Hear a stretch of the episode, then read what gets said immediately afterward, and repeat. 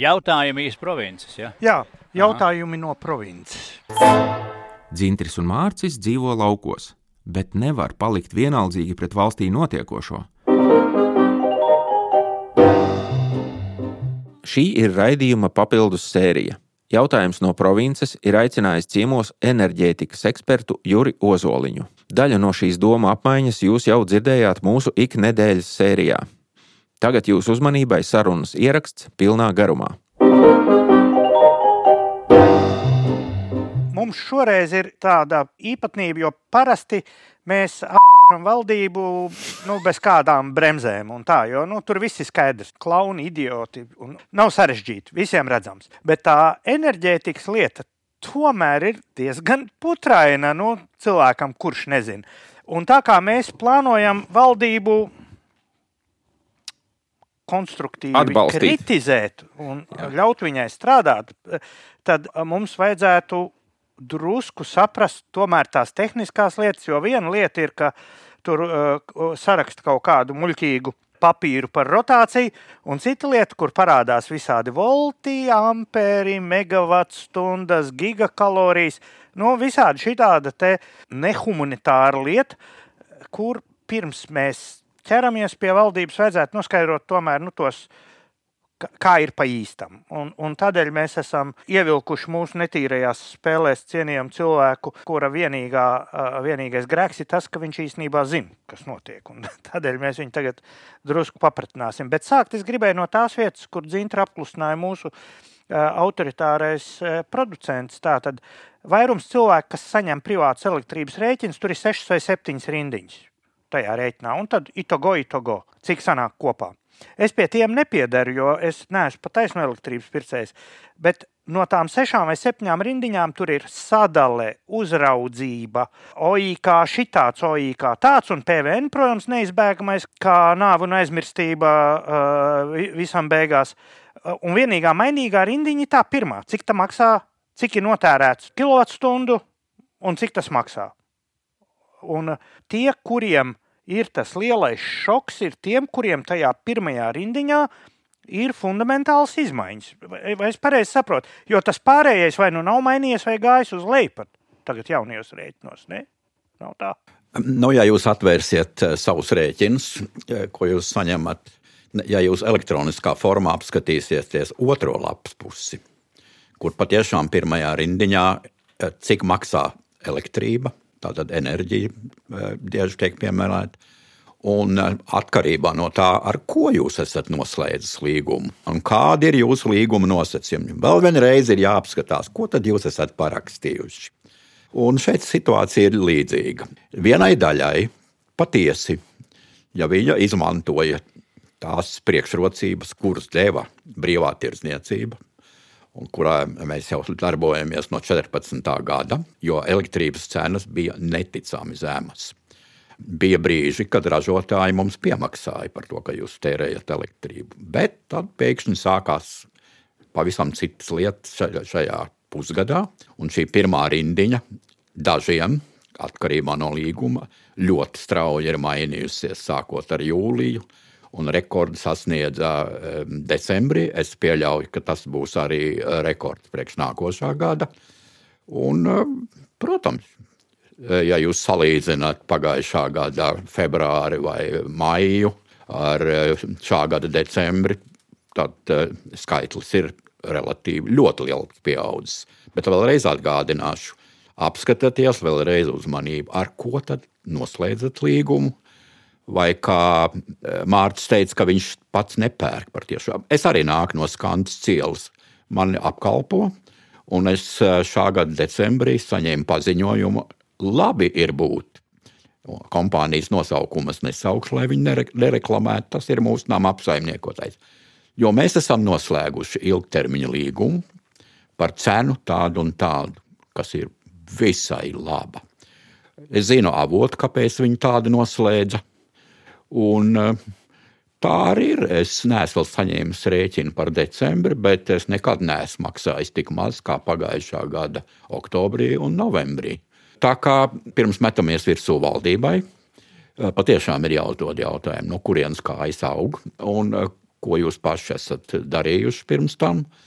Es pilnīgi uh, izsaku solidaritāti ar tiem cilvēkiem, kuri dzīvo no ļoti maziem ienākumiem, kur nevar uh, savu dzīvokli tikai ar svecēm uh, iztikt, un kuriem ir patiešām vajadzīga uh, palīdzība.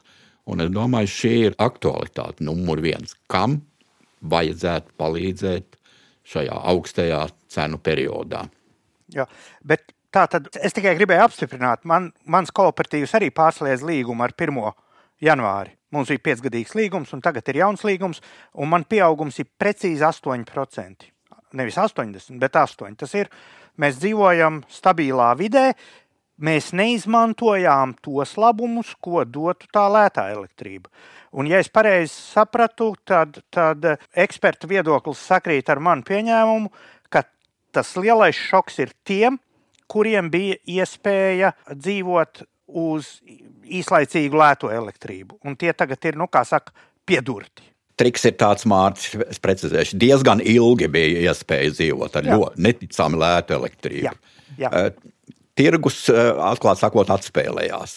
Jā. Tie, kas tirgū zaudēja līdz šim, tātad lielie enerģijas ražotāji, fosilās enerģijas stacijas, tagad atgūst savu, izmantojot. Un, uh, tas ir tāds plašāks jautājums, lai, lai vispār mūsu energosistēma turētos kopā, lai elektrība būtu vienmēr, bet šoks ir par elektrības augstajām cenām. Nevis par tarifiem, bet elektrības tirgus cenām. Un, nu, diemžēl tā nu ir kā jau tirgū, tāpat kā ar uzpirksteņiem. Nu, kaut, kaut kas tur notiek, kaut kas mainās, kaut kas nesaprotams. Iepriekšējie gadi visus ir iejājuši. Visiem liekas, ka tas ir pats no par sevi. Tam jābūt lētam, tās ir cilvēka tiesības, ja jūs esat valdības, tad eh, lētu elektrību tūlīt, eh, bez kavēšanās. Nu, tagad mēs esam tajā brīdī, kad mums ir jāpadomā, kā vispār eh, nākotnē viss tas notiks. Nu, valdībām ir jālauza galvas. Es pilnīgi piekrītu, un valdības vienmēr ir atbildīgas par tiem, kas ir neaizsargāti. Nu, tāda jau ir vispār valsts jēga. Es tagad par to no Ah, dzintri, es... No provinces, ja mēs esam, klau, ir iespējams tagad man, nu, provincē, es varētu ar tiem mazajiem rīkiem. Proti, uzstādīt vējrotoru un uz jumta uzmest saules paneli. Es varētu nodrošināt. Mēs, mēs par saules paneļiem mēs iziesim okay. cauri tam, kas ir. O, es visur jaucos pa vidu. Saules paneļi. pēc tam un rotori. būs. Jā. Es Nav tagad... vispār eh, eh, Zintras trāpīja eh, pareizi, bet ok, jā. pēc mārča scenārija. Es gribēju izvilkt vienkārši vēsturi. Mēs, mēs visi tie, kas ir bijuši kāzu viesi 60. un 70. gados, zina, ka vienu brīdi ierēbušais vedēja tēvs noteikti noskaitīs pantiņu.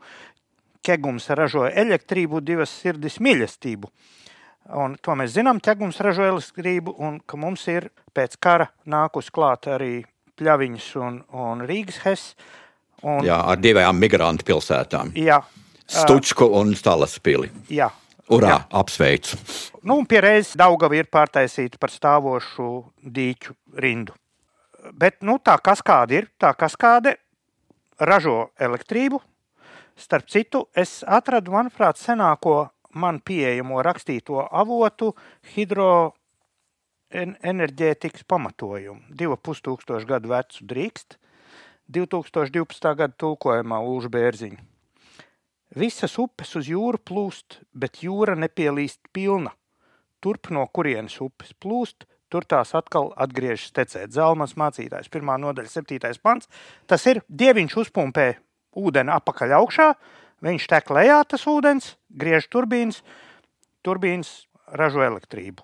Skaitījās, ka lētu, un te ir man tas jautājums. Visu laiku ir bijusi tāda leģenda, ka Daugaus kaskāde var saražot krietnu lēvenu elektrības, brīžam līdz divām trešdaļām no tā, ko mēs patērējam, un ka tā ir nu, reizes trīs lētāka nu, par to biržas elektrību. Tas tā ir apmēram. Nu, birža jau ir tādēļ uztaisīt. Un, jā, jāsaka, tā, bir, to biržas modeli, kur mēs pašlaik pielietojam, izdomāja Norvēģi. Un tieši tādēļ, ka simtprocentīgi viņa elektrības ražošana bija no krītošā ūdens dieva Uzpumpēta, spēkiem. jā. Un tieši tādēļ, lai noskaidrotu, kāda ir ūdens vērtība, jo viņu e, sistēma sastāv no tūkstošiem elektrostaciju, kuras pieder privātām personām, municipalitātēm, valstī. E, visa viņu ekonomika tika uztaisīta uz ūdeni. Taisni tāpat kā Latvija, starp citu. Visa Latvijas, e, brīvās Latvijas ekonomika attīstījās ar ūdens spēku. Un tā ir leģenda, ka ķēgums bija pirmais, kurš. Un tad, kad Ulmans uh, izveidoja uzņēmumu, tad ir sākusies Latvijas uh, ekonomiskā attīstība, tas notika daudz ātrāk. Nu, lūk, šis modelis ir atzīts par labu visā Eiropā. Šo modeli mēs tagad pielietojam, un mēs varam apskatīties rītdienas cenas, un ļoti interesanti Norvēģijā elektrības cenas Norvēģijas teritorijā atšķirās eh, apmēram 15 reizes. Dienvidu daļā ir 15 reizes dārgāka elektrība. Tas ir nevis 1,5, bet 15. 15, jā. Tas ir kaut un, kur 10 un kaut kur. Jā, tieši tā, un 1,50. Jā, tieši tā. Un tā iemesla pēc ka viņi eksportē šajā brīdī, izmanto tirgus situāciju un eksportē uz Lielbritāniju, Nīderlandi un, un Vāciju. Norvēģi pelna ar eksportu, un viņi par to nevaid. Tādēļ, ka tas ir ienākums viņa ekonomikai. Ja ķēgums varētu saražot eh, tik daudz elektrības, kā aprakstīja Mārcis, protams, ka Latvijas ekonomika vai būtu ienākumi. Man ir jājautā šī brīdī, kuram tad ir ienākumi un kuram tad ir zaudējumi. Ja? Ai, ja, Kur tad paliek paķer, nauda? Mēs tā kā amatieru teātrī paķēram man jautājumu. Es gribēju jautāt, kuram tas ir izdevīgi. Nu, e, tieši tā. Es ļoti brīnos, kāpēc publiskajā telpā mēdīji neuzdod nevienu jautājumu Latvijas elektrības ražotājiem. Viņi tur aicina tādus pusekspertus kā mani, bet kāpēc nepaprasa jaunajām valdēm, kuras tagad ir saliktas, padomēm, kuras ir sat, ieceltas. Kāpēc tā gāze ir tik dārga? Kāpēc jūs pārdodat tik dārgi? Kas ir jūsu motivācija?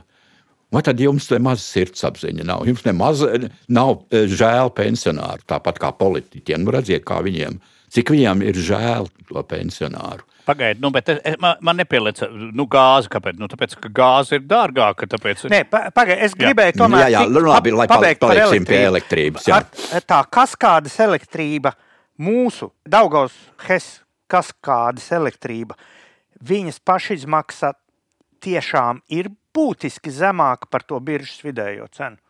Nav zināms. Tirgus priekšrocība ir tā, ka jūs neinteresē, kādas ir ražotāja izmaksas. Jums interesē, par kādu cenu jūs tirgū varat nopirkt produktu.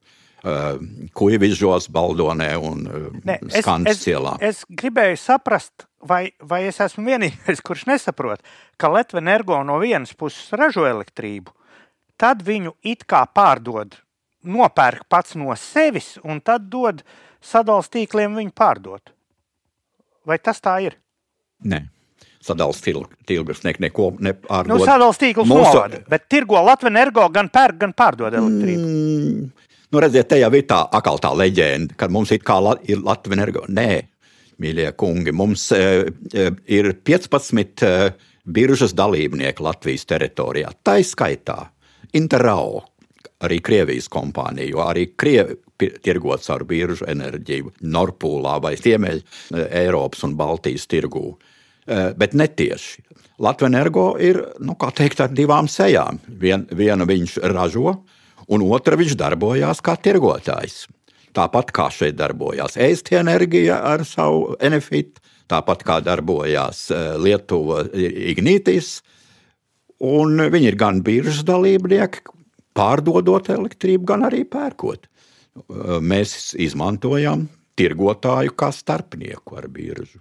Un, ja mēs Bet, izvēlamies nepareizu, neveiksmīgi izvēlamies tirgotāju un neveiksmīgi izvēlamies līgumu, tad beigās pēkšņi izrādās, ka tas rēķins var būt negaidīt liels. Nu, Nē, nu, tā, to, es to ne, nenosauktu par neveiksmīgu. Tas ir uh, atkal kariņa interpretācija, ka dažas pašvaldības lūk, tur esot noslēgušas ne tādas līgumas.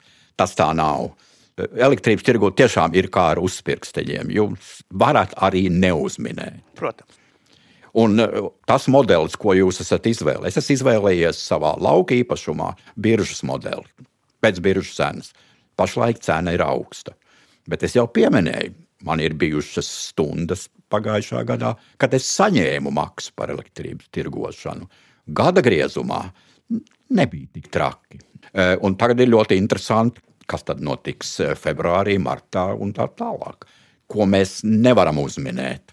Un tirgotāji to nevar uzminēt, diemžēl. Ir pazīmes, kas saka, nu jā, varbūt šī cena turēsies tik ilgi, e, varbūt viņa būs līdz martam. Eh, nu, man prognoze ir, viņa nebūs vairs tik zema, kā bija. Jo daudzi apstākļi ir izmainījušies. Izrādās, ka mēs esam ļoti uz elektrību pašlaik. Patēriņa pieaugumi bija fantastiski decembrī. Eh, es nekad ne, ne, neticēju savām acīm, ka var būt tādi diennakts eh, patēriņa pieaugumi Latvijā, Iga, sevišķi Igaunijā kad ražotājiem patiešām ir problēmas apgādāt. Bet precizēšanai viens jautājums atpakaļ no, no vienkāršā cilvēka. Tad Daugavas Hessu sistēma pārdodot elektrību biržā, eh, respektīvi tā, eh, vai mums būtu lētāka elektrība, ja eh, mums nebūtu biržā jāpērk elektrība, bet mēs paši savu Hesa elektrību patiešo tērētu? Vai tāds tautisks jautājums? Nu, E, tāda ideja ir dažiem Latvijas rūpniekiem, kurš saka, ziniet, pārdodiet e, mums, izējām no daļa no biržas un pārdodiet mums kā rūpniecības uzņēmumiem, jo mēs jau balstām visu eksportu un maksājam nodokļus, un atdodiet mums to lēto enerģiju. Nu, tad viņiem, lai viņi nopērk vienu daļu no šīm stacijām un rīkojās tā, kā es teicu par, par Norvēģiju kur eh, daudziem uzņēmumiem, tāpat arī Somijā, pieder savas elektrostacijas.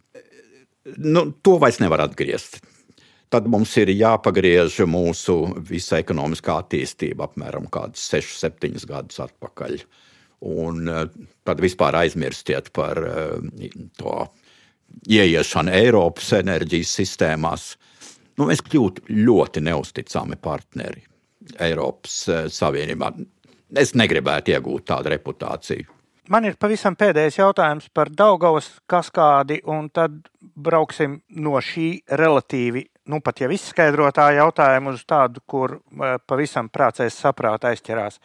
Tā tad tā urbānā leģenda par Daugavas Hess lētumu saražoto īsti nav pārbaudām tādēļ, ka mēs netiekam iekšā nu, Latvijas energo nu, lācītim vēdrā paskatīties tās īstās izmaksas.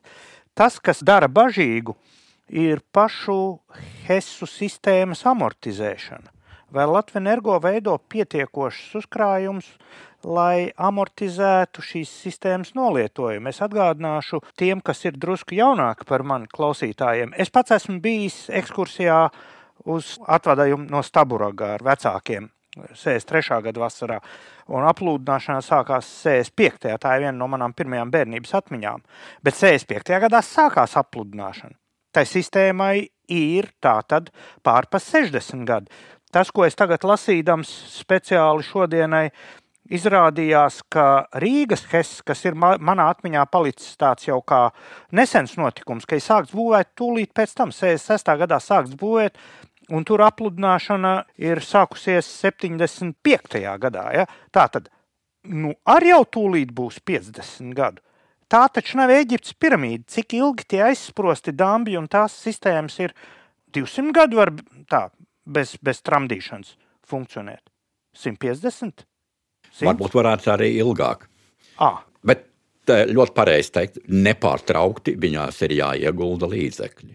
Visas elektrostacijas, vienalga par kādu tehnoloģiju jūs nerunājat, par lēto atomu, par lēto hidroenerģiju, prasa nepārtraukti ieguldījumus un apkalpošanu. Sevišķi Hesi ir diezgan bīstama padarīšana. Sevišķi tādas būvas, kādas ir uz Daugavas. Viņām ir jāseko izmaiņām milimetros un milimetru daļās. Un, uh, tur ir bijuši diezgan, tur ir bijuši da, diezgan daudz nopietnas uh, un publikai nestāstāmas lietas notikušas. Uh, nu, bet es jūs nomierināšu. Latvijas energo ir labs saimnieks. Tieši pateicoties šiem tirgus principiem, viņš nopelna pietiekoši daudz, lai visas tās bažas, par kuras uzdeva Mārcis, likvidētu. Okay. Viņš, ir, viņš ir drošās vietās. Tas bija viens no iemesliem, kāpēc mēs vispār pievienojamies tam tirgus modelim. Tas ir tieši tādēļ, lai, lai, lai, lai, lai to... mantkārīgās patērētāja rociņas neizputinātu. Nu jā, tas, ir amorti, tas ir manas aizdomas par to, ka tā pašizmaksa ir lēta tikai tad, ja neskaita amortizāciju. Un amortizācija neskaitīšana ir ļoti raksturīga biznesa tuvredzība. Ja? Nu, Ko man maksā aizbraukt uz tirgu? Es piešķiru mašīnu, aizbraucu, bet, mīļais draugs, tev ir jānopelna arī tai mašīnai, ar kuru tu brauc. Ne tikai. Ziniet, e, kungi, es esmu strādājis Kosovā. E, e, tas, ko es pieminēju pēc Balkānu tautu samierināšanas. Un, un tā, bija, tā ir valsts, kurā pašlaik ir atkal iedarbināti privātie ģeneratori, līdzīgi tā kā tas notika vakar mārciņā Latvijas laukos, kur visi fermeri piešķīla savus ģeneratorus, lai pārdzīvotu dienu nakti. Bet tur tas iet jau mēnešiem. Tieši tādēļ, ka nu, nav, nav, nav iespējas eh, valstī nepietiek eh, līdzekļu un valsts kompānijai, lai uzturētu pietiekoši labā stāvoklī elektrostacijas. Tā ir briesmīga. Ah, vēl tālāk, Dienvidāfrika. Ar, ar, ar visiem, visiem nodzišanām tur tās lietas notiek. Tad, kad ir eh, kāds saka, ka tā ir lēta lieta un to vajag paturēt mūžam lētu, tad tūlīt seko teikt, mācība un, un ļoti sliktas sekas. Ar to es negribu baidīt, un ar to es negribu teikt, ka ja varbūt ka dažreiz tirgotājiem ir pārāk liela apetīte, bet no nu, atkal tā nu ir tā situācija.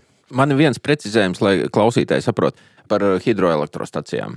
Jūs pieminējāt to nedrošību, un vajag acīm redzot paskaidrot tās nedrošības to būtību ka ūdens krātuve ar aizsprostu ir nedrošs objekts, jo, ja kaut kas notiek ar to aizsprostu, jā, nu, ja? tieši, nu, tieši tā. Aizsprosts ir būve kas ir būvēta uz nepārāk stabiliem pamatiem. Mēs neesam Norvēģija, kalnu zeme, mēs neesam Taģikistāna, kalnu zeme, bet šī ir uh, līdzenumi ar uh, gruntīm, kādas viņas ir, ar dolomitu, Tā ir tāda ļoti e, piesardzīga darbība. E, tā prasa augstu kvalifikāciju, ļoti precīzs instruments. Paldies Dievam! Tas ir tas, tas ir tas, kas mums pašlaik ir. Un, ja Dievs nedod kaut kas notiek, tad. Nu, jāsaka, ka e, es ceru, ka energokompānijai ir plāns, kā tad jārīkojas. Es ceru, ka valdības cilvēki, tie, kas pārzina to enerģijas sektoru, saprot, par ko ir runa, un arī to ievēro. Un es ļoti ceru, ka tagad tajā diskusijā, ko vajag pataisīt lētāku, netiks izdarītas kādas muļķības. Tas, ir, tas Proti... ir tas, ko, eh, par ko visa šī līnija, ko es centos izvilkt, ir, ka, ja Hesi netiek amortizēta, tas beigsies ar to, ka noslaucīs Rīgu nost ar vienu triecienu vilnu. Nu, ziniet, es savā laikā esmu piedalījies tajās sauktajās civilās aizsardzības mācībās, kur regulāri tika izspēlēts. Tātad kodols sprādziens pļaviņās, visi trīs hesi noslaucīti, vecrīgā ūdens līmenis 6 metri, doma laukumā 6 metri. Okay. Bet nebaidīsim radio klausītāji. Ja, tādēļ, ka lieta ir drošās rokās, tehnoloģijas ir. Jā, jā, nu, tas nozīmē, ka, lai cik nepatīkam to piefiksēt, ka ja Latvija energo tiks noņemta peļņa, no kā amortizēt HESU infrastruktūras saimniecību, tad bīstamības pieaug. Jā, tā ir tā. tā cena, kas būtu. Spēle, spēle ir tomēr ar, ar, ar sabiedrības drošību, ar cilvēku dzīvībām. Lai arī tikai rīznieku, bet tomēr. Vai nu, ir jau vēl, eh, pirms tam jau vēl ir eh, ķekava un, eh, un cita es biju, es biju pieklājīgāks vienkārši. No, no, korekti noklusēju. Nav mārcējums priekšā. Jā bet tagad mirklis mūsu sponsora reklāmai. Mīļie draugi! Aicinu spirdzinošā pārgājienā pa kontrabandistu takām Kuivižu pusē. Čāposim pa mazstaigātiem jūras, mežu un purvāģu nostūriem. Stāsti, fakti, leģendas un joki. Pēcgalā karsta zupa, ceptas reņģes un vietējo labumu mikrotirciņš. Piesakies pārgājienam manos Facebook un Twitter profilos. Būs forši! Ja arī tev, dārgo klausītāj, ir kāda lieta, ideja vai jaunums, par ko tu gribētu pastāstīt mūsu raidījumā, zvani vai raksti man. Lūkosim, kā sadarboties. Manus kontaktus atradīs raidījuma aprakstā. Tagad atpakaļ raidījumā. Nu, tad tagad pie tās smagākās lietas. Kā saka, no siltuma taisa elektrība, no elektrības mēdz taisīt siltumu. Tās lietas ir saistītas, bet elektrības rēķinus tu vēl vari kaut kā kontrolēt ar tiem siltumiem. Ja tu esi tur ķēngaraga vai, vai purčīka iedzīvotājs, tev pasaka, tu zini, tavā apkuri maksāja šitik, un tur laikam ir tā, tas šoks ir daudz lielāks par, par elektrības šoku, un pats trakākais ir, nu, tu nevari to ietekmēt, tu esi gūsteknis tās sistēmas. Tā iznāk šobrīd, ka tā siltuma ražošana ir sadārdzinājusies vaiprātīgi. Un te mēs varētu arī pārpeldēt uz tiem ģeopolitiskiem iemesliem, jo, ja elektrību mēs ražojam paši kaut kādas divas trešdaļas no Es pieņemu, divas trešdaļas ir tas cipars. Jā, tā mēs varētu pieņemt. Jā, nebūtu. Tad, tad gāzi mēs neražojam nemaz. Nu, mēs glabājam sešu gāzi, bet gāzi mums iepumpē no Baškīrijām, Jamalām un no kurienes tur vēl. Un no Amerikas. Nāk tomēr, ja mums à, jā, nu, nāk, gan, jā. tie, kas ar kuģiem. Klaipēdas termināls strādāja nepārtraukti. Oh. Arī šodien ar ne ar pilnu jaudu, nepārtraukti. Bet mums tā sistēma ar, ar Lietuvu vispār ir savienota. Jā, tur protams, kaut ko var iepumpēt turp apakaļ. Jā. Protams, arī lietuvieši, nu, viņu gāzi arī glabājās Inčkalnā, un Somu nopirktā gāze glabājās Inčkalnā. Bet ir taisnība, mums ir lielākais eh, un, un draņķīgākais piegādātājs, protams, ir Krievijā. Jā, nu tad nu mēs esam klāt pie tā, kas notiek un kas būs? Ja, nezinu. Oh, uzreiz, tas uzreiz bija eksperta atbildes. Super. Uh, labi. Nu, labi, uh, skaidrs, ka uh, katrs. Kāds jautājums, tāda atbilde. Es, es, tūlīt, es arī tūlīt izvērsīšu atbildi. Jā, tas ir katrs, Bet... kurš zina, kas būs, lai ietu biržā un nopērk future kontraktus, vai ne? Tad darbojies. Parādiet, cik miljonus ir nopelnījis. Jā, parādiet, kā jūs to darīsiet. Jā. Un tomēr, kas ir tas, uz ko mēs varētu tramīgi skatīties, kas ir tas, kas ir mūsu uzdziņš šitai kokā, un vai mēs no tā koka tiksim nost? Tiksim gan. To gan es varu atbildēt absolūti droši. Un šeit es būšu pilnīgs pro-eiropietis un, un zaļā kursa aizstāvis, un būšu arī klimata aktīvists ar pilnu spēku. Jā, jā, jā. Jūs esat trāpījušies uz, uz īstā vietas. Jūs varēsiet izgriezt pēc tam tos gabalus, nolikvidēt, ja, tas, ja jums būs kauns, par ko jūs esat izdarījuši.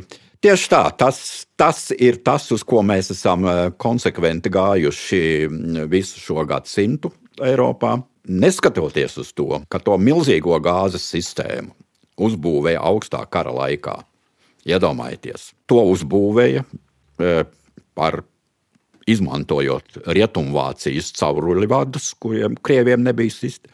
Tādēļ, lai uz, uzbūvētu šo neticami lielo gāzes piegādes sistēmu, kur ir arvien paplašinās, paplašinās un paplašinās uz austrumiem. Bet ir viena laba vēsts, ka viņai ir pievienojušies pilnīgi jauna tehnoloģija ar sašķidrināto gāzi. Es pieminēju, gāze ir bijusi no Amerikas. Un uh, arī mēs esam lietojuši amerikāņu gāzi, paši sev nezinot. Bet, uh, protams, izēja ir uh, tas, ko Dzintrs pieminēja. Tajos vēja ģeneratoriņos, tai saulē un tajos resursos, kas mums ir pieejami, ieskaitot atlikumi no Latvijas mežiem un kokapstrādes. Jā, es nu, esmu sataisījies uz vienu citātu. Viņš nav pārāk svaigs. Papīrs, ko es izdrukāju, ir Pasaules enerģijas padomas Latvijas Nacionālās komitejas nu, tāds status reports. Pirms dažiem gadiem rakstīts autors ir Ilmārs Stuklis, es pieņemu pazīstams. Oh, jā, protams. Sveiciens, Ilmār. Nē, Jā, viņš, ja viņš nezina, ka mēs viņu citējam. Es ceru, neuzzinās. Jā, bet varbūt viņš klausīsies. Jā, tā tad Pasaules enerģijas padome gan nav nu, administratīva priekšniecība nekāda. Tā ir tehniski sabiedriska organizācija, bet viņi ir ANO atzīta organizācija. Tā kā tas nav tāds tīri amatierisks nu, pasākums. Ja? Un šajā ziņojumā ir nožēlas pilns par to, ka mēs nezinājām, kā tur iegriezīsies, un rekā tagad ir šitā, un tur būs tagad šitā. Un tur parādās termins par bāzes jaudām, ko es nevarēju atrast nevienā nu, Jaun, val- jaunākā literatūrā. jā, valsts dokumentos. Jā. Tieši tā, ne, būs problēma atrast, ko tas nozīmē. Jā, tā tad es to citātu noīsinātā veidā. Daudz izvēles variantu nav, jo citu vietējā energoresursu vējš saule nenodrošina ar nepieciešamām bāzes jaudām drošu elektroenerģijas apgādi valstī. Primāri šiem ražošanas veidiem vajadzīgs piesagums ar bāzes jaudām, kur bāzes jaudas ir tas, kas nav atkarīgs no saules un vēja. Mūsu gadījumā atomelektrostaciju mēs nebūvēsim, ogles stacijas mēs pilnīgi noteikti vairs nebūvēsim, un gāzes stacijas izskatās, ka ar tā kā vairs nebūvēsim. Tad, no, kas ir tās bāzes jaudas, kas varēs piesekt dzintrie vēja rotoru, Māra Sprindžuka rosinātos 20,000 saules baterijas ādažu kampanelas saules ciemam, laimes ciemam un tā tālāk no kurienes, ja reiz tā el- elektroenerģijas patēriņam mēs visu laiku rīģīgi ēdam klāt un klāt un klāt, un mūsu ērtības faktiski patērē enerģiju bezjēdzīgā daudzumā, ja? tad ar ko tiks piesakt tie nu, paneļi? Ar tām stacijām, no kurām, kuru dēļ pašlaik eh, ir tāda tirgus cena. Viņas pašlaik strādā un nosaka tirgus cenu. Mūsu teci, eh, Igaunijas degakmeņa stacijas, eh, atomstacijas Zviedrijā, Somijā. Un eh, Ilmāram ir taisnība. Šīs eh, jaudas ir jāsaglabā, ja grib pielikt klāt saules baterijas un, un vējrotors. Un ar to pietiktu. Un, un, un tā tas arī notiek. Un tā tas arī ir tas zaļais kurs, ka mēs papildinām ar, ar jauniem enerģijas veidiem. Bet lietas notiek neticamā ātrumā, tehnoloģija attīstība. Politika tam nespēja izsekot. Tie līgumi, ko ir saslēguši industrijas uzņēmumi par akumulatoriem, autobūves industrija, kad eh, visai šai lietai pievienosies elektromobīļa akumulatoros, eh, akumulātoru stacijas, eh, mūsu augstsprieguma tīkls eh, taisās eh, pirkt vistuvākā laikā ļoti lielas akumulātoru stacijas, kas uzkrās enerģiju. Un eh, tā būs pilnīgi jauna sistēma. Un arī, tāpēc jau arī mārciņā ir grūti atrast jēdzienu, kurā vietā ir tās bāzes jaudas minēta. Tādēļ, ka tas faktiski vairs neeksistē modernā enerģētikā. Eksistē, vai mums ir pietiekoši elastīgas jaudas, kuras var darboties tad, kad mums enerģija ir vajadzīga. Ir pilnīgi citi izcenošanas mehānismi. Kādreiz teica, oh, hidrostacijas Daugaus kasā strādā tikai tad tajos pīķa režīmos, jo tad ir vajadzīga lēta enerģija. Nav vairs tādi laiki. Lai mēģinātu nesamulsināt galīgi klausītājus, kad es tagad runāju par kaut kādu fantastisku sistēmu. Nē, tā ir tā sistēma, kas šodien darbojas. Ja mēs paskatītos uz rītdienas tirgus datiem, un arī vakar, starp citu, Somijā, Zviedrijā, ir galvenais ģenerēšanas avots ir vēja stacijas. Šīs divas industriāli attīstītās valstīs, vakar, à, un Dānija, bija nospiedošā vairākumā vēja enerģija. Arī cenas bija vakar ļoti zemas. Šodien viņas ir augstākas, rīt ir vēl augstākas. Tātad ļoti labi sadzīvo tradicionālās tehnoloģijas, vecās hidrostacijas un viss tas jaunais, ko ieved un uzstāda. Un šīs lietas sāka dominēt. Uz tā arī pastāv visa tā, zaļais kurs. Tieši tādēļ, kad jautājumi tiek gudēt, kāda vēlna pēc mēs atdodam savu Eiropiešu naudu trešām valstīm, vēl jau vairāk visādiem dīvainiem diktatoru režīmiem. ja mums resursi ir pašiem. Nu, mazliet uh, sarežģīti, bet es saprotu, šeit ir tā teikt, tā, konflikts starp tādu konservatīvo uzskatu un neticību tehnoloģiskai attīstībai, attīstībai un uh, varbūt neizsekošana tam, kas ir jau noticis. Nelasīšu morāli, bet uh, jā, Zintri. Jā, Klau, Jurī, šo es pārēju uz, uz jaunu kvalitāti. Cik maksā mazs rotoriņš, ko es varu uzstādīt pie savas mājas? Un vai es to drīkstu es kā privātpersona? Es, es īsti nezinu. No otras puses, jūs esat izvēlējušies pareizi cilvēku. Es pašlaik nodarbojos ar savu saules elektrostacijas projektu savā lauku zemē. Latvijas energo izņēmās ar manu projektu, bet kā pa nelaimi nomainījās valde. Kaut gan viņi ļoti aizrotēja. jā, bet, bet nekādi aizliegumi, piedod, nekāda aizliegumi. Nekāda aizlieguma nav man uzlikta. Bet es, bet, es ne, bet es par to mazo rotoriņu tiešām nezinu par viņa cenām. Nē, ok. Ja, tad par, par, par to, ko piedāvāja zināmajā mūsu apcerētajā vienā diskusijā pie Domburkas bija, ka tur visa laime būs no tā, ka ādažos visus jumtus nojauks un salikt saules paneļus. Cik maksā uzlikt uz 200 kvadrātmetru mājas puses jumta saules baterijas. Es mēģinu uzreiz geometriski izrēķināt, cik tur varētu būt tie kilovati. Un ir varētu pateikt tā, viens kilovats ļauda ir, nu, varētu rēķināties ar 700 eiro būs izmaksas. Viņš varētu pie pašreizējām cenām. Investīcijas uzstādīšanai, ja? Jā, tā, tas būtu nepieciešams. Nu, es pieņemu, ka tie būs kādi 10 kW, kas, kas, kas nozīmē no nu, kādiem 8 tūkstošiem eiro jums būs jāšķirās, bet ņemiet vērā, kādas pašlaik ir tirgus cenas, tā ekonomika parāda, ka tas atmaksātos. Nu, un, tā, un, tā, un tādēļ jau arī pašlaik uh, uzņēmumi diezgan intensīvi attīst šo lietu uz saviem jumtiem. Es domāju, ka tā ādaža ideja ir pilnīgi reāla un, un pilnīgi saprotama. Protams, tur ir vajadzīgs tomēr neliels valsts atbalsts, tāpēc ka mēs īsti nezinām, es nevaru atbildēt uz to jautājumu, kāda tad būs tā tirgus cena pēc gada vai diviem, jo investīcija ir uz 20 līdz 25 gadiem. Nu, tad var teikt, pēc 25 gadiem saules paneli, pašu saules paneli būs jāmaina. Bet konstrukcija te jums paliks. Līdz tam laikam iespējams, ka arī efektivitāte daudz pieaugs. Šodien pie šīm tirgus cenām, kuras daudziem cilvēkiem nepatīk pieminēt, ir labvēlīgs signāls.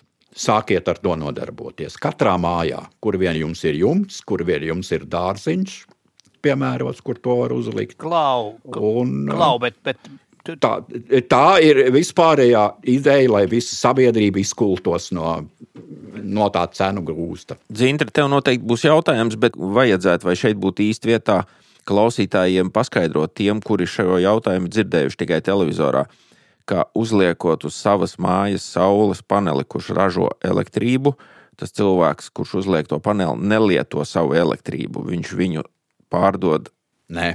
tīklam. Šeit ir tas eh, paradoks ar Latvijas likumdošanu, bet nesajauksim galvu. Jā, tas ir sarežģīti. Mēs esam vienā īstā eh, likumdošanas bedrē šī brīdī. Ja mēs, eh, bet viņš patērēs pats.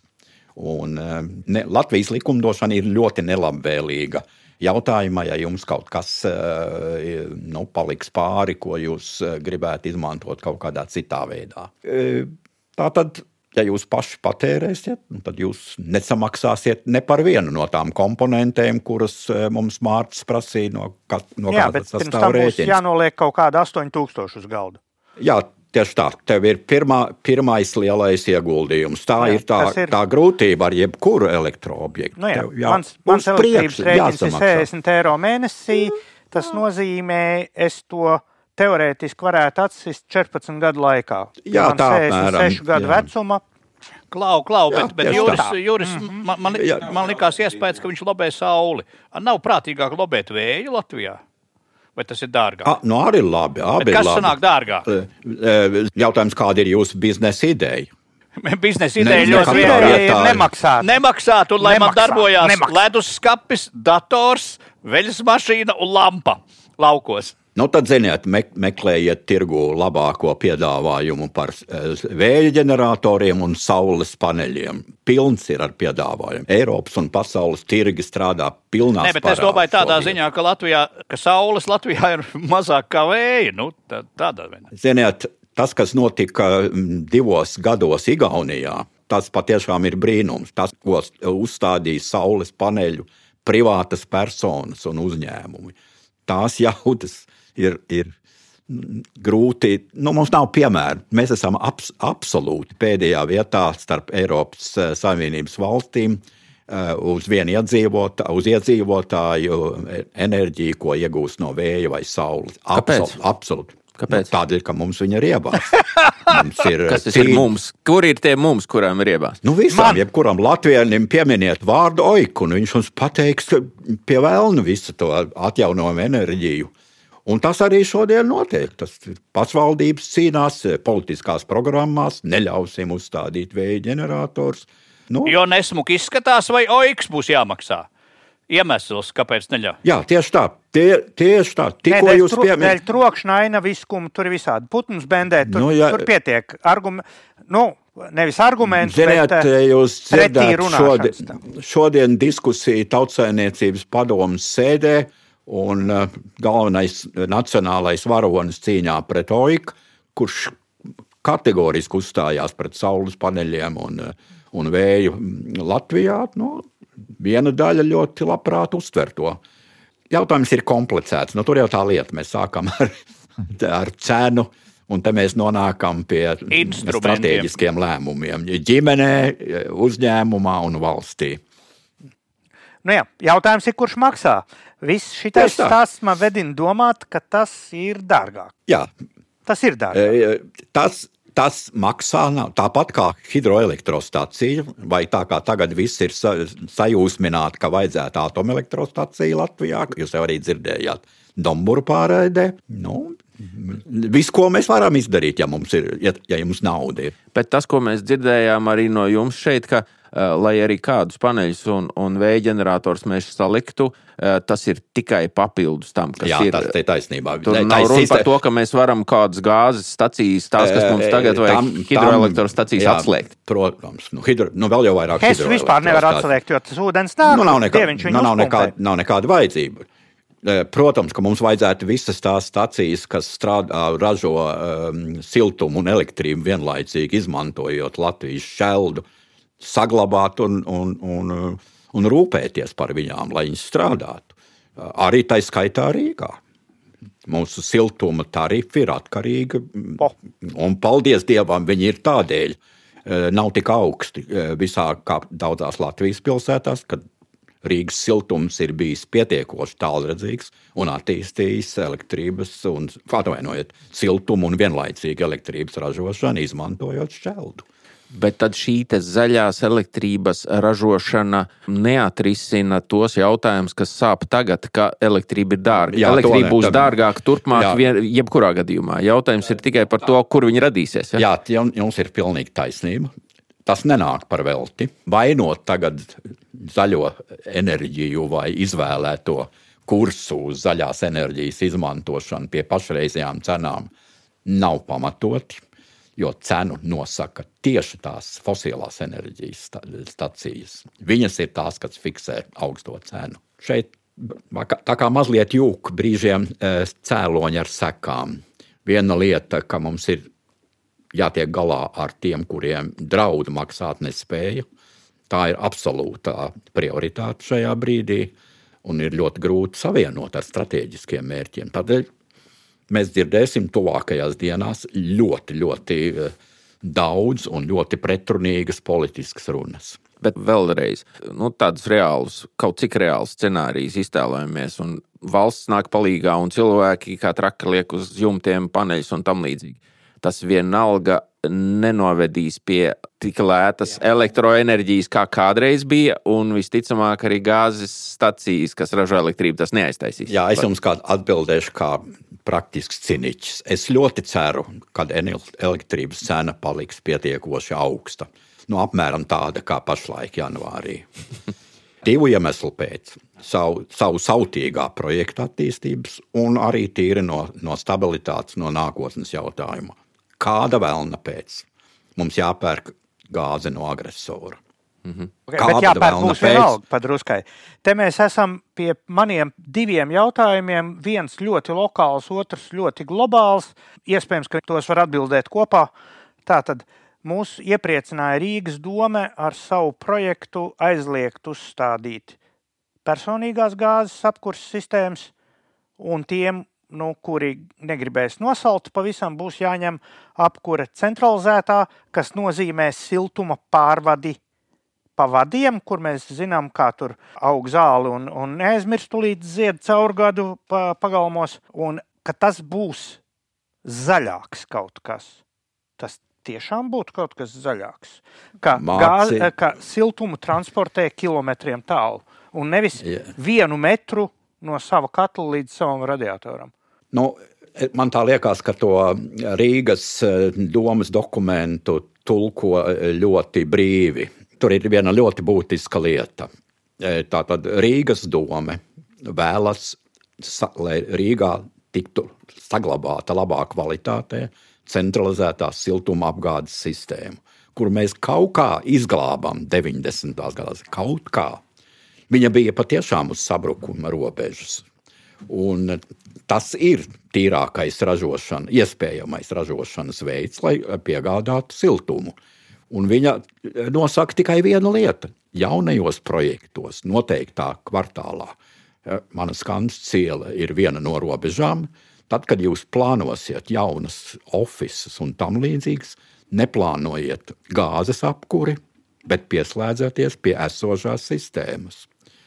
Tādēļ, lai mēs apgādātu ar ilgspējīgu enerģiju. Tas attiecās uz jauniem projektiem. Tur vajag tomēr uzma, uzmanīgi izlasīt. Bet šis arguments, ka mans privātais gāzes katls ir mazāk efektīvs apkuras veids kā centrālais, tad šis arguments ir nepareizs. Mm, nu, efektivitāte ir viena lieta, un ilgspēja ir cita lieta. Ja jūs izmantojat fosīlo enerģiju, kā mēs jau pieminējām, avotu, tad tas, tas nav ilgspējīgi viņa jūs nepārtraukti emitējat. Bet Rīgas centrālā apkūra vienmēr izmantos fosilo. Kad Rīgas nav, centrālā apkūra darbosies nav, uz, veņ, uz, uz vēja ģeneratoriem? Nav teikts, nav teikts. Man bija tā iespēja moderēt eh, pasākumu, kurā Rīgas siltums eh, prezentēja savu, kā viņš taisās samazināt emisijas līdz 30. gadam, lai izpildītu visas šīs eh, Eiropas likumdošanas prasības un nosacījumus.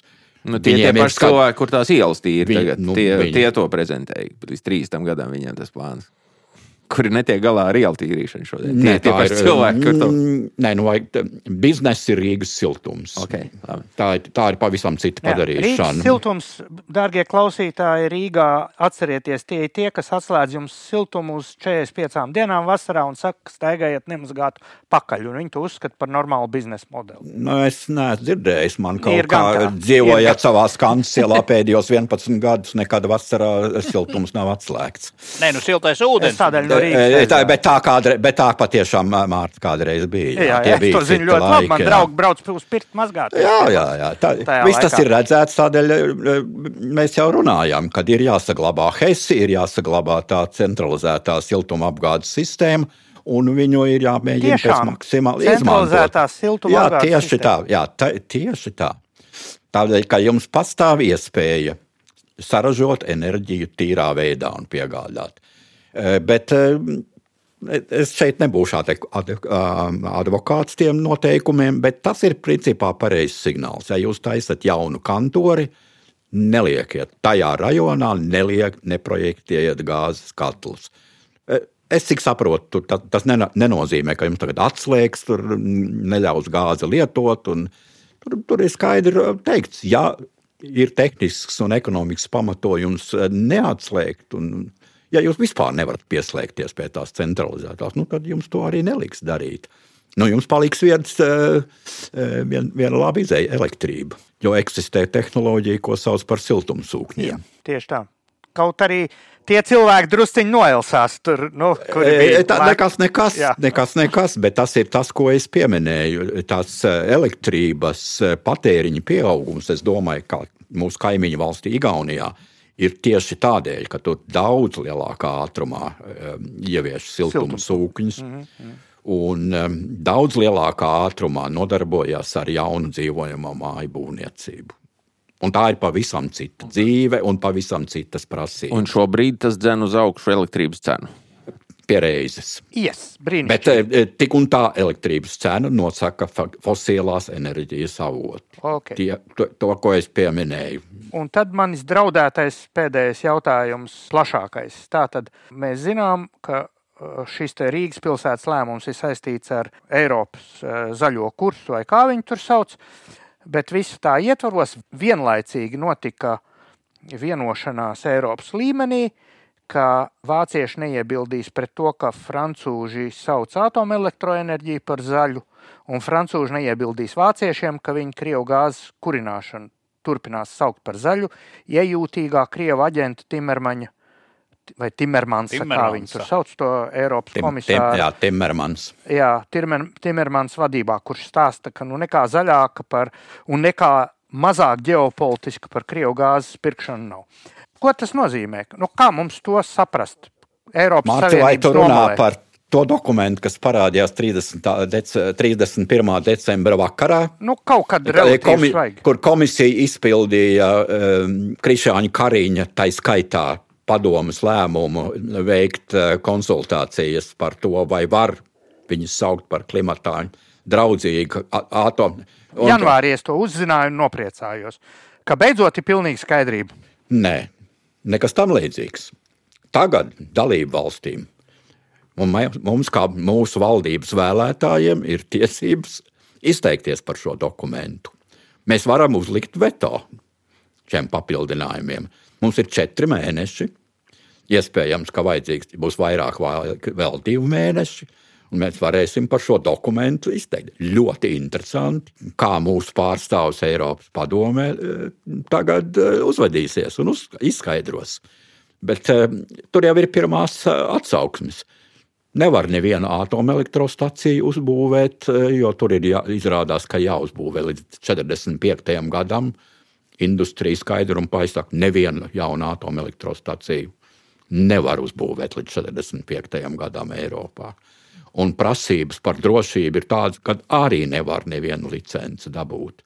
Par gāzi ir līdzīgi. Viņus nesauks par zaļu, bet viņus sauks par pār, pārējas. Pārējas, pārējas.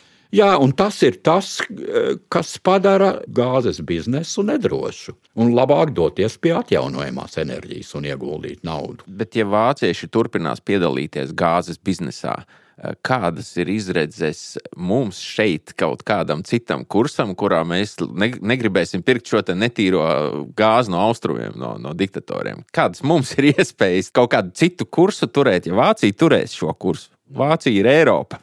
Viņi te saka, kā te notiek. Viena lieta ir, ir, ir, ir tirgoties, otra lieta, kas notiek, ir, ir tikai viena problēma pasaulē pašlaik - jautājumā par klimatu, par emisijām.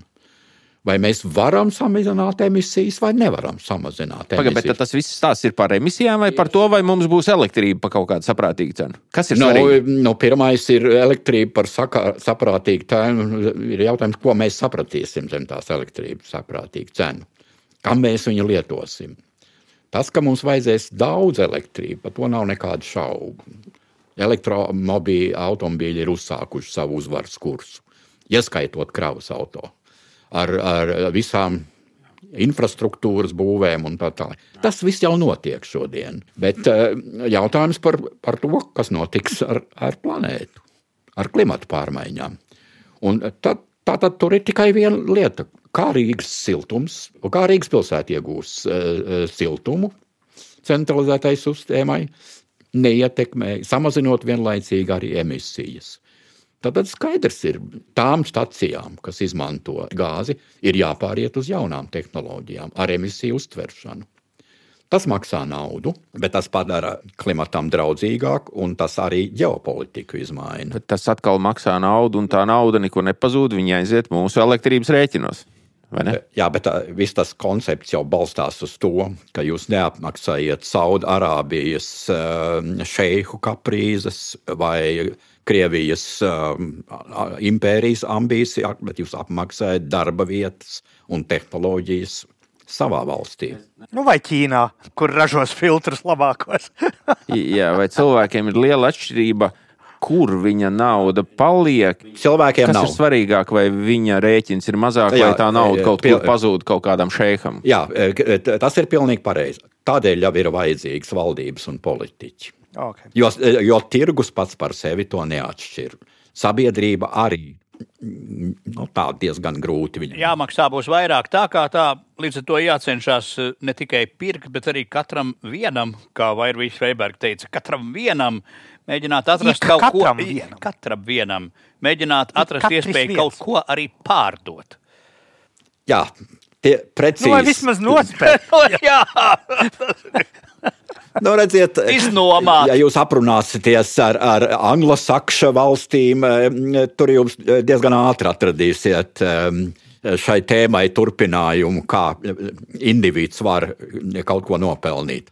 Eh, Nu, mums ir problēma to tajā ie, ie, ie, uzreiz ieslēgties šādā filozofijā. Okay. Tas ir tomēr skolas jautājums. Ja skolā par to nemāca, tad ir ļoti grūti Okay, saprast. es tagad savā Baldonas pagastu ķekavas novada izpratnē, eh, pensionāru izpratnē apkopošu tā tad elektrība atgriezīsies kaut kādā citā tirgus diktētā stabilā līmenī, bet ne tik fantastiski zemā, pie kāda bija pieraduši spoti pircēji, un iespējams ne tik traki augstā, kāds viņš ir pašlaik.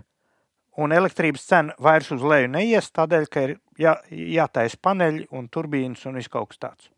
Es pareizi Jā, sapratu. Man, man ļoti precīzi. Nu, Fine. Tieši tā.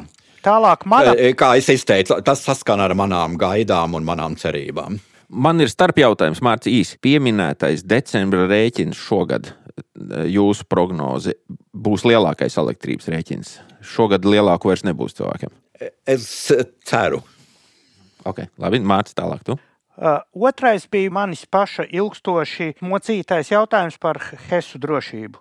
Ka, ja to amortizāciju Latvijas energo izpildu pareizi, un tas ir tas, kādēļ viņi tirgo lētu, uh, it kā mitoloģiski lētu elektrību par dārgu naudu, ir tas, ka daļa naudas aiziet amortizācijā, un ka iespējams tur na- nav šobrīd, ka tas nav lielākais risks, par ko man te būtu jādomā netālu no, no ūdenskrātuves Rīgas.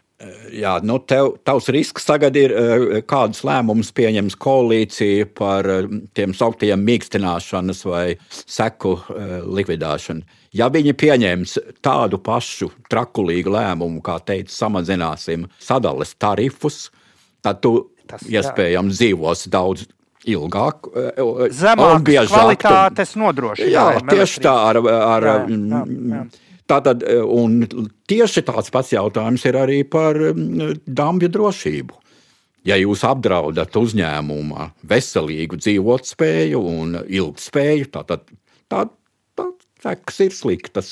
Tātad secinājums eh, konceptuāli viedoklis, ka kaut ko kompensēt nevajag uz uh, sadales uh, tarifu rēķina, bet tad jau drīzāk uz PVN, ja ir runa par kompensēšanu. Es Jūsuprāt? Jā, es šodien tieši uz šo jautājumu eh, neatbildēju dienai. tā skaidroju, Manā rīcībā nav Excel ar Latvijas budžetu. Es tikai esmu dzirdējis, ka mums ir bezgalīgi daudz naudas, nu jau divus gadus nepārtraukti. Mēs kaut ko aiztaisīsim, slēgsim, bet mēs to visu kompensēsim. Nu, tagad ir pienācis brīdis, kad izrādās ir arī kaut kādi pensionāri un um, mazturīgas ģimenes. Jautājums, ko ar viņiem darīt. Tā tad eh, nevaru atbildēt par to, kuru variantu jāizmanto. Infrastruktūru nedrīkst apdraudēt. Jā, nu un tad par siltumu. Nekādu mierinājumu vārdu pašreizējam ķēngaragu un pļaunieku iedzīvotājiem mums nav. Viņš Nē. ir gūsteknis. Pareizi. Jā. Viņam Jā, atsūta me- rēķinu, un viņam ir vai nu jāmaksā, vai jāiet kārties. pārdod dzīvokli, brauc uz laukiem. Jā, tā ir, ka mēs esam gāzes gūstekņi. Atšķirībā no Tallinas vai, vai no Viņas. Un gāzes cena ir principā ģeopolitiskas, es negribu teikt manipulācijas, nu, faktoru. Nu, ne, nu, tie ir globālie faktori. Sauksim Globālie tā pavisam faktori. vienkārši. Jā, kuri uzsāk savu gaitu septembrī un turpina pašlaik, un bija ārprātīgie skaitļi, kas šodien neizskatās vairs tik draudīgi. Nu jā, mēs nevaram prognozēt, eh, kas notiks Austrumēropā, un, un tā nav šodienas mūsu tēma. Bet, ja nenotiek pats sliktākais, tie varētu atgriezties kaut kādā drusciņā stabilākā līdzsvaru punktā. Nu, jums tomēr ir jāņem vērā viena lieta. Gazprom ir lielākais Eiropas gāzes piegādātājs, bet tai pašā laikā Eiropa ir faktiski vienīgais ārējais tirgus eh, Krievijai un Gazpromam. Tas ir uz Ķīnu, viņi nevar pārsviest gāzi. Nē, tik vienkārši nevar. Un, lai kā viņi arī nerunātu, un lai kā viņi arī to nedarītu. Kā jau jūs teicāt, augstā kara laikā sistēmu uzbūvēja, viņa turpina strādāt, viņa arī turpinās strādāt. Un viņa Gazprom interesēs ir saglabāt gāzes patērētājs, nevis aizbaidīt. Viss tas, kas pašlaik Tas ir notiek, prātīgiem cilvēkiem, bet, ja cilvēks nav prātīgs, tad visādi var Nu, iegriezties. mīļais Dievs, mēs esam dzirdējuši, ka uh, Krievijas doma ir vismaz kādas divas vai trīs reizes balsojusi par, Uzvēst atombūmu Amerikai. Nē, par, par Baltijas atslēgšanu no gāzes tirgu uh, valodas dēļ. Gazproms nekad nav nekad ausi pat pakustinājis par šādām lietām. Biznesa ir biznesa. Viņi, viņi tā ļoti labi saprot. Šrēders aizliek labu vārdu. Prezidenti mainās, tā skaitā Krievijā. Okay. Ja es pareizi saprotu, šobrīd nav reāli apspriest un nopietni diskutēt par Latvijas elektrības tirgus izņemšanu no tās biržas. Tas nav diskutējami. Es- Tas tā nevar notikt vienkārši. Vislabāk es to ieteiktu neaiztikt. Redziet, diskusijā, e, e, tad, kad ir krīzes vai krīzes nojauta, jāizrunā absolūti visi varianti. Tas Jā. Ir pareizi, ka to dara. Jā. Tas ir pareizi, ka to izrunā. Un tas ir pareizi, ka par to saka, nu, es būtu tajā grupā, kas teikt, "N- labāk par to vairāk nerunāsim. Nu, tas ir izspēlē kā scenāriju un izmet to ārā. Jā, ja? nu, ja mēs spēlētu šo spēli, es domāju, ka eh, militāristi ir sen jau izspēlējuši abās okeāna pusēs karu Ukrajinā. Gotlandes ieņemšana. Citādi jau viņi to vispār. Tad jau nav vērts. Un šī ir tāda reize, kad ir visi varianti jāizskata. Bet es eh, teiktu, ka tu, tas nav reāli izdarāms. Tā ir ilūzija, ka izstājoties no biržas Latvija spētu saražot pati sev elektrību pietiekami lētu, un tad vēl kaut ko bišķi piepirkt, un viss būtu kārtībā. Tā tas nenotiek. No, es domāju, ka to nevar izdarīt. Jā. Tieši tā, tīri fiziski to nevar, nevar izdarīt. Nav iespējams. Skaidrs. Labi.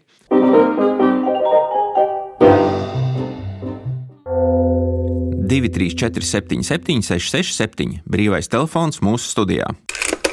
Uzdod mums jautājumus vai ziņo par nebūšanām savā provincē. Gaidīsim no tevis zvanu, izziņu vai WhatsApp. Brīvais telefons 234, 77, 667. Man škurnīs jautājums bija uh, analoģisks ar, ar dzintrija uh, grabošo rotoru, Jā, ko jā. viņš nopirks tums aizsargā no diviem aizdomīgiem igauniem, un kur būs rakstīts virsū tartu trakomājas īpašums.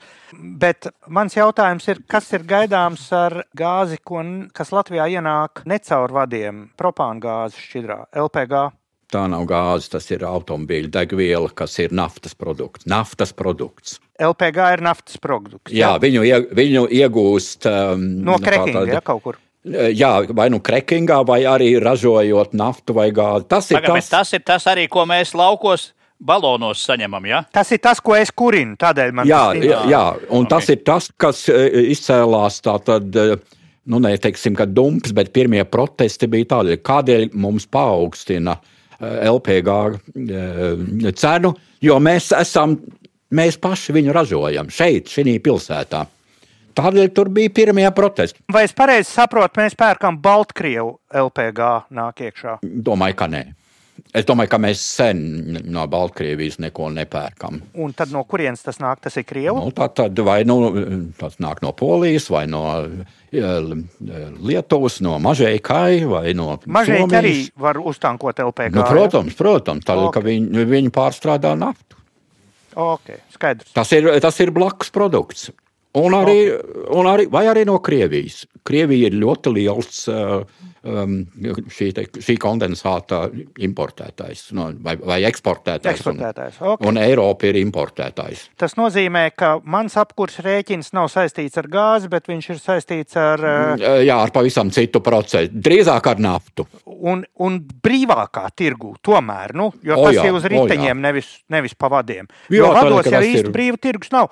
Juri, ja vēl drīkst aizkavēt vienu mirklīti. O jā. E, e, Vecos laikos es tā atminos, tad, kad rēķināja apkures tarifus ar gāzi stiprināja, tā kā es vēl tam sekoju pirms gadiem desmit, tad tur bija tā, ka tā gāzes cena sakarā ar to, ka nevar būt. Gāzei vadā nevar būt tirgus cena, jo tas vats ir starp diviem cilvēkiem. Tur nekāda tirgus nav. Ja? Un eh, ka to ar viltīgu formulu paņēmienu piesaistīja pie brīvā tirgus naftas cenām. Un tāpēc formulas rēķinājumu pārreķināja. Un, ja pagāja uz augšu naftas cena kaut kur eh, Londonā, tad tur pēc kaut kādiem mēnešiem eh, Latvijas gāzes, tas eh, pārdodamās gāzes tarifs mainījās.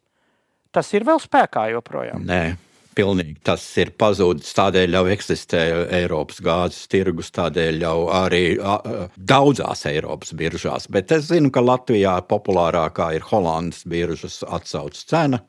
Uz to mēs arī apskatāmies. Un, Un pēc jā, un tarifu. tagad ir jautājums, ar ko patērētājiem ir noslēgts līgums un uz kādiem nosacījumiem, kāda tur ir atsauces cena. Mēs bijām ārkārtīgā sajūsmā, tad, kad gāze bija vismaz trīs gadus neticami lēta. Jā. Neticami. Jā, jā, ok. Bet šeldai bija ļoti grūti konkurēt ar Jā. gāzi. jā. Nu, atkal, tirgus atsitiens. sakārto. Ra, jā, ražotāji atgūst savu. Ko zaudēja pirms trim gadiem, to tagad mēģina atgūt. Dzintri, man ir jautājums tev. Tu šo sarunu klausījies, vairāk tā kā klausījies, nekā piedalījies Jā, sarunā. viņš tagad varētu saviem vārdiem atstāstīt, ko es sapratu. Mēs viņam atzīmi ielikt. Jā. Dzintri, vai tu, uh, vai tu pēc šīs sarunas noklausīšanās vari pateikt, vai tu savās domās un iztēlē, savos sapņos un vīzijās esi tuvāk tai vēja turbīnai pie sava ceriņa krūma un saules panelim uz uh, ceļa pusi, kas nu Un vēl saules. arī Salasgrīvas pašvaldībā tur uh, bija tie mēģinājumi jūras temperatūras svārstības izmantot, bet tas laikam pie mums īsti nestrādā. Bet uh, atgriežoties pie ceriņu krūmu un vēja rotora, tad jā, pie tam es tagad fantazēju, ka man viņu varētu sametināt te viens draugs vienkārši. Jo pirkt būs dārgi, a no viņas viņu varētu uztaisīt pat 200 eirikiem. Man un daudziem nav skaidrs. Vai man vienīgais vats, kas būs vajadzīgs elektrībai, būs no rotora uz uh, elektrības kontaktu manā mājā, vai man kaut kā būs jāsavienojas tur ar visiem tiem sadalstīklu vadiem? Taču nē. Nē, nē, nē. aizmirst par sadalījuma tīkliem un pārējo sabiedrību. Gādā par, par savu, tikai par sevi. Jā, Dzintri nopērts kaseti ar filmu Kindzadzā. Tur viss tā. Pagaidi, un vēl man vajag, vēl man vajag viņš te daudz runāja par tiem akumulatoriem. Man virtuvē apakšā ir mazs pagrabiņš, un tur man vēl stāvēs aķītis. Es ceru, Jā, ka privātajiem arī tā, tas būs ideja. tad, kad Jā, nepūtīs e- ne vējš, ne saules spīdēs. Tieši tā. Tā tas arī notika uh, brīvās Latvijas laikā, tā tas notika arī pēc kara, un tā tas pašlaik notiek ar pilnu spēku. Vernim puķom iģoķa tavāriši. Vienīgais nav skaidrs par pļaunieku un, un uh, ķēngaraga mājām, bet nu, mums kā provinciāļiem tas. Man vēl Oh. viena lieta kļuva neskaidra pēc uh, šitā. Ja reiz pēc četriem mēnešiem kariņam ir jābrauc iedzīt no kauna zemē uh, visādi veidi makaronus tur un, un kā nu tur to vācu zociķi sauc. Tad jautājums ir, vai viņš līdz tam laikam būs pasācis lietot alkoholu. Skaidrā prātā viņš to neizdarīs. Ot, ja viņš tā rīcīgi toņķī ieies un teiks, jūs te bijat atomu, brum, tā.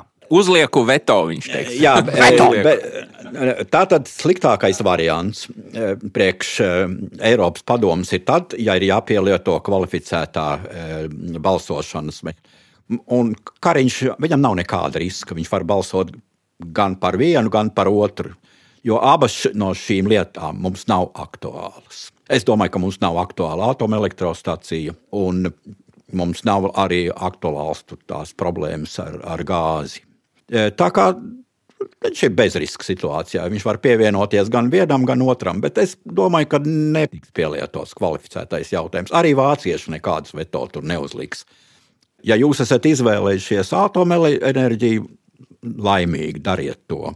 Mēs savus vecās atomstacijas esam nolēmuši slēgt, izbeigsim, pāršķirsim lapu, un tad, kad būs jaunas tehnoloģijas, tad mēs atgriezīsimies pie tēmas. Un mūs visus var iepriecēt uh, fakts, ka Kariņš uh, neatvedīs no šīs savas sanāksmes mums uh, mazākus elektrības rēķinus. Par to mēs varam būt pilnīgi droši. Jā, tas gan.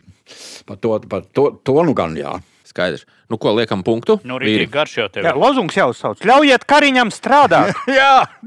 Tātad Zintris dodas meklēt uh, metinātāju Vasiliju vai Žāni, Žāni. Žani, kurš novilks vadu viņam uz, uz pagrabā novietoto traktoru akumulātoru, kur viņš turpmāk darbinās. Lai... Un metinās rotoru. Jā, metināt rotoru. Mārcis dodas veikt aprēķinus un, un apcerēt savu šķidrās gāzes apkuri. Un Mēs sakām paldies mūsu viesim Jurim Ozoliņam, enerģētikas ekspertam, par šo te maratonu, kuru viņš ir godam izturējis. un Ceram, ka mm, viņš neatteiks mums varbūt arī nākotnē kādu padomu, ja mums tāds būs nepieciešams. Ja jūs gadījumā manas padomus uzskatīsiet kaut kā, kā vērtu. Labi, eh, paldies, kungi, par, par piedalīšanos. Visu labi jums līdz nākamajai nedēļai. Līdz vēlēšanām palikušas 36 nedēļas. Čau! Labi! Tu tikko noklausījies raidījuma jautājums no provinces. Ja gribi katru nedēļu dzirdēt jaunāko sēriju un raidījumu speciālos izlaidumus, to pilnīgi bez maksas un pavisam vienkārši var izdarīt, nospiežot vienu pogu savā telefonā. Atrodi pats vai palūdz jaunākam radiniekam sameklēt jautājumu no provinces, Spotify, Apple vai Google podkāstu aplikācijās un nospied abonēšanas pogu. Pēc tam telefons pats tev paziņos par katras jaunas sērijas iznākšanu. Tu varēsi klausīties raidījumu arī tur, kur nav interneta, un raidījums nepārtrūks pat tad, ja klausoties, tu skatīsies bildes vai rakstīsi izziņas. Pilnīgi bez maksas, ar vienu pogas spiedienu, bez anketām un bez bankas datiem. Tu tiksi pie visām raidījuma sērijām, varēsi klausīties mūs kad un kur vien vēlies. Brīvu cilvēku, brīvas sarunas. Jautājums no provinces.